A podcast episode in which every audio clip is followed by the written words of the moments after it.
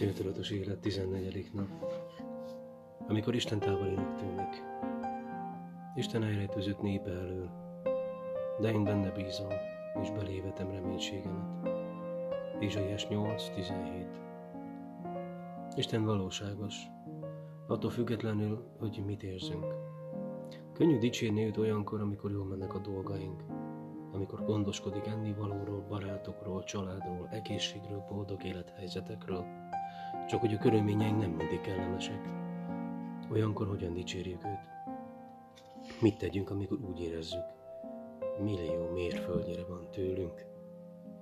Az Isten tisztelet legmélyebb szintje az, amikor a fájdalom ellenére dicsérjük, a próbatétel közepette hálát adunk, a kísértés idején bízunk benne, a szenvedésben alávetjük magunkat neki, és mikor távolinak tűnik, akkor is szeretjük.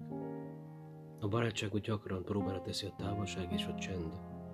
Amikor messze vagyunk egymástól, vagy nincs lehetőségünk beszélgetni. Az Istennel való kapcsolatunkban időnként nem érezzük közel magunkat Istenhez. Philip Yancey bölcs megfigyelése, hogy minden kapcsolatban vannak olyan időszakok, amikor közel, illetve amikor távol vagyunk egymástól. Az Istennel való kapcsolatban is. Mindegy, mennyire mély, az inga mindkét irányba kilenghet. És ilyenkor esik nehezünkre dicsérni őt. Isten, hogy mélyebbé válhasson vele a barátságunk, időnként látszólagos távolság tartással tesz próbára bennünket. Olyan időszakok ezek, amikor úgy érezzük, elhagyott bennünket, megfeledkezett rólunk, úgy érezzük, millió mérföldnyire van tőlünk. Keresztes Szent János a lélek sötét éjszakájának nevezi ezt a lelki szárasságot, a kételkedés, az Istentől való elidegenedés napjait. Harry Nowen a távollét szolgálatának, William Tozer pedig az éjszaka szolgálatának hívja őket, de a tél a szívben kifejezés is találó. Jézus leszámítva valószínűleg Dávid volt az emberek közül a legközelebbi kapcsolatban Istennel. Isten szívesen szólította szíve szerint való embernek. Mégis gyakran panaszkodott arra, hogy az Úr látszólag eltűnt az életéből. Uram, miért állsz oly távol? Miért rejtőzöl el a szükség idején? Én Istenem, én Istenem, miért hagytál el? Távol van tőlem a segítség, pedig jajgatva kiáltok. Miért taszítottál el engem? Az Úr természetesen nem hagyta el Dávidot, és minket sem hagy el. Többször ígéri, az Úr nem hagy el téged, és nem marad el tőled. Olyan ígéretet viszont soha nem tett, hogy mindig érezni fogod jelenlétét. Sőt, még el is ismeri, hogy idenként elrejti orcáját előlünk. Valóban, néha olyannak érezzük az életünket, hogy Istenre legszívesebben azt mondanánk, eltűntnek nyilvánítva. Floyd Lang így ír erről. Az ember reggel fölébred, és nyoma sincs benne lelki természetű érzéseknek.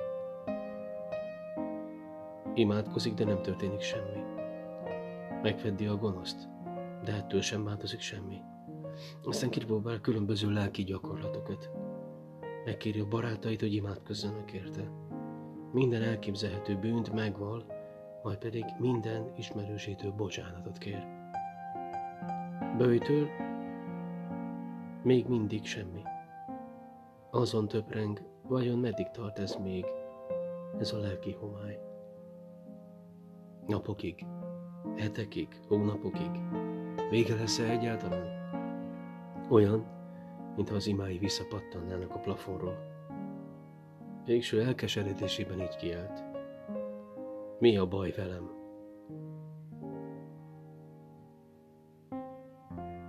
A helyzet az, hogy semmilyen baj nincs vele.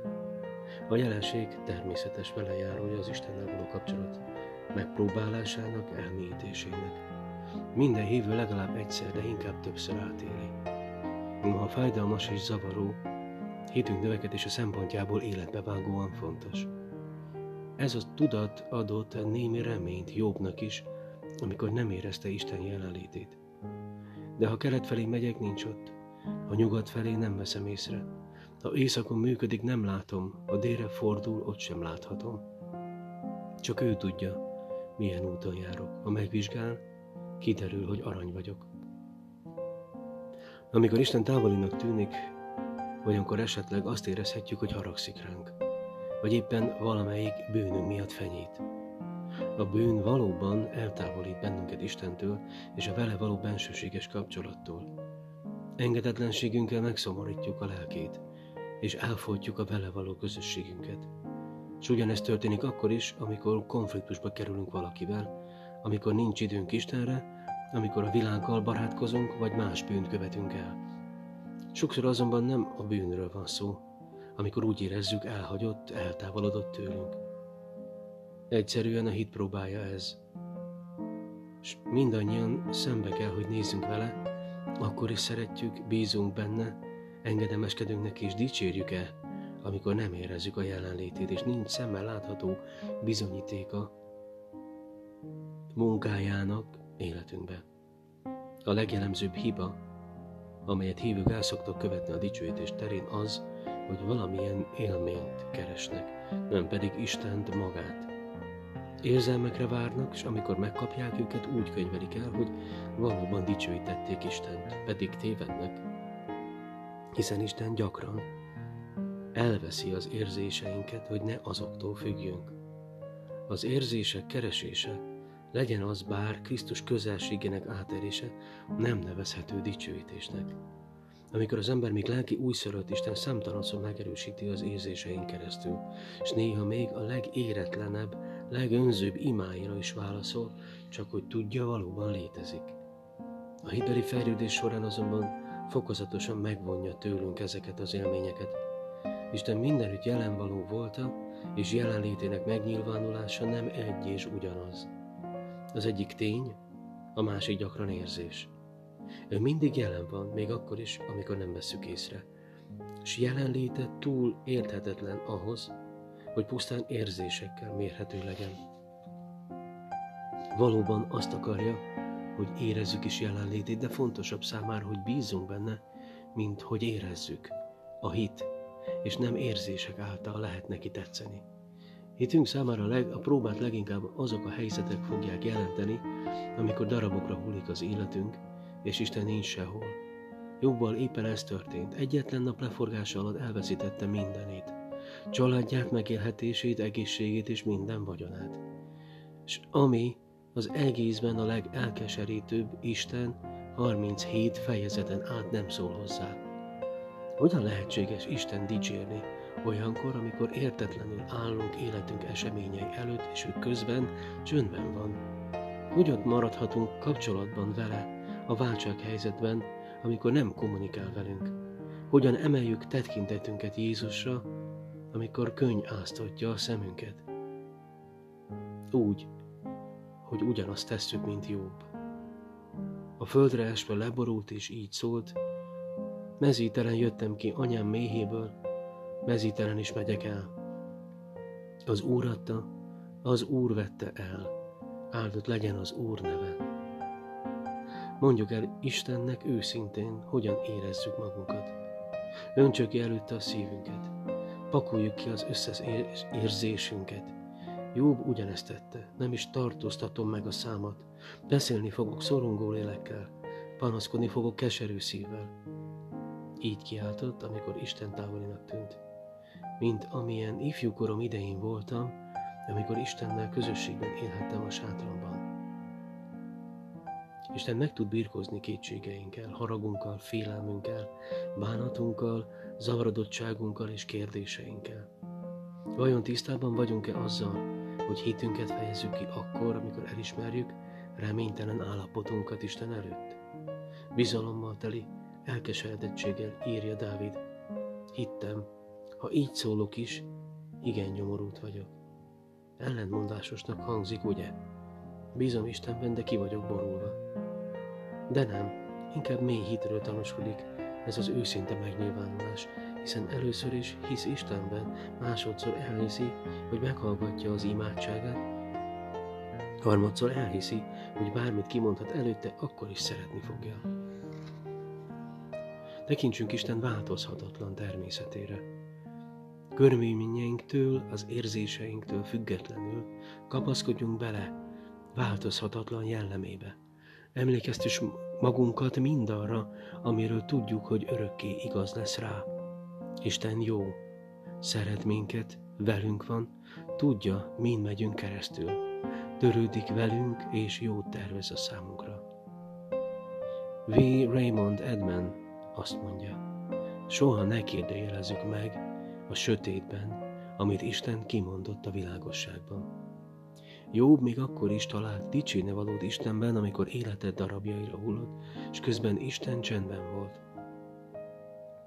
Ő jó és szerető Isten, mindenható, életem minden részletét ismeri, tudja, mit csinál, terve van az életemmel, és meg fog menteni. Bízunk Istenben, hogy megtartja ígéreteit. A lelki pusztaságban az ő ígéreteiekkel kitartóan támaszkodnunk, nem pedig az érzéseinkre.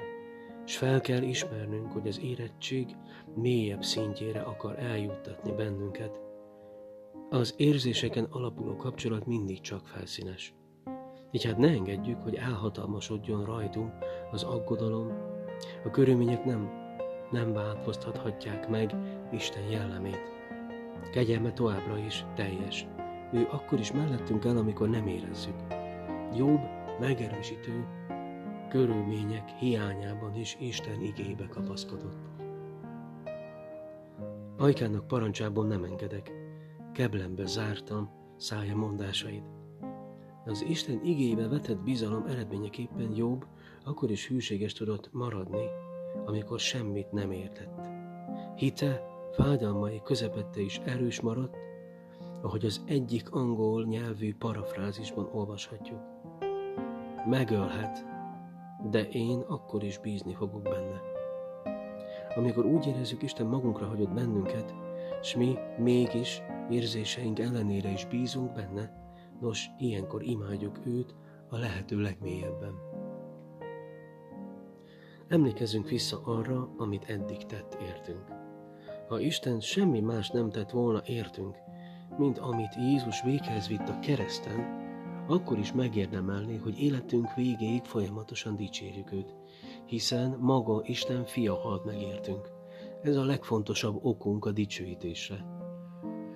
Sajnos hajlamosak vagyunk megfeledkezni Isten értünk hozott gyötrelmes áldozatának kegyetlen részleteiről.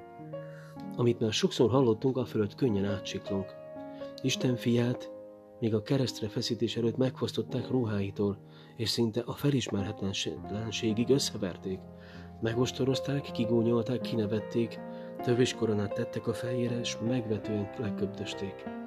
Ki volt téve a szívtelen tömeg bántalmazásának, csúfolódásának, gonoszabbul bántak vele, mint egy állattal. Majd a vérveszteségtől már szinte eszméletlen állapotban arra kényszerítették, hogy vonszoljon föl a hegyre egy ormótlan keresztet, amelyhez aztán odaszegezték, hogy végig kínlódja a keresztre feszítettek lassú halátosáját. Miközben vére csorgott a keresztfán, közönséges értő megjegyzésekkel, tréfálkozott fájdalmán, kúnyolódott magát Istennek tulajdonító kijelentésein. Miután magára vett az emberiség minden bűnét, olyan visszataszítóvá vált Isten számára, hogy el is fordult tőle. Jézus végső elkeseredésében így kiáltott, én Istenem, én Istenem, miért hagytál el engemet? Megmenthette volna magát, csak hogy akkor minket nem tudott volna megmenteni. Szavakkal leírhatatlan annak a pillanatnak a sötétsége. Hogyan engedhette meg Isten ezt az írzótatos, égbe kiáltó igazságtalanságot? Nos, azért engedte meg, hogy mi megmenekülhessünk az örök pokoltól, és részesülhessünk örök dicsőségében. A Biblia azt mondja, mert azt, aki nem ismert bűnt, bűnné tette értünk, hogy mi Isten igazsága legyünk ő benne. Jézus mindenről lemondott azért, hogy mi mindent elnyerhessünk. Meghalt, hogy mi örökké élhessünk. Már önmagában emiatt is megérdemli, hogy szüntelenül hálát adjunk és dicsérjük őt. Egy pillanatig sem kellene gondolkoznunk azon, hogy miért is kellene hálásnak lennünk. 14. nap. Vizsgáljuk meg céljainkat. Elmékedj rajta. Isten valóságos, attól függetlenül, hogy mit érzünk. Tanuld meg, ő mondta, nem maradok el tőled, sem el nem hagylak téged. Zsidók 13.5 Gondold át, hogyan figyelhetnék mindig Isten jelenlétére, még akkor is, amikor távolinak érzem.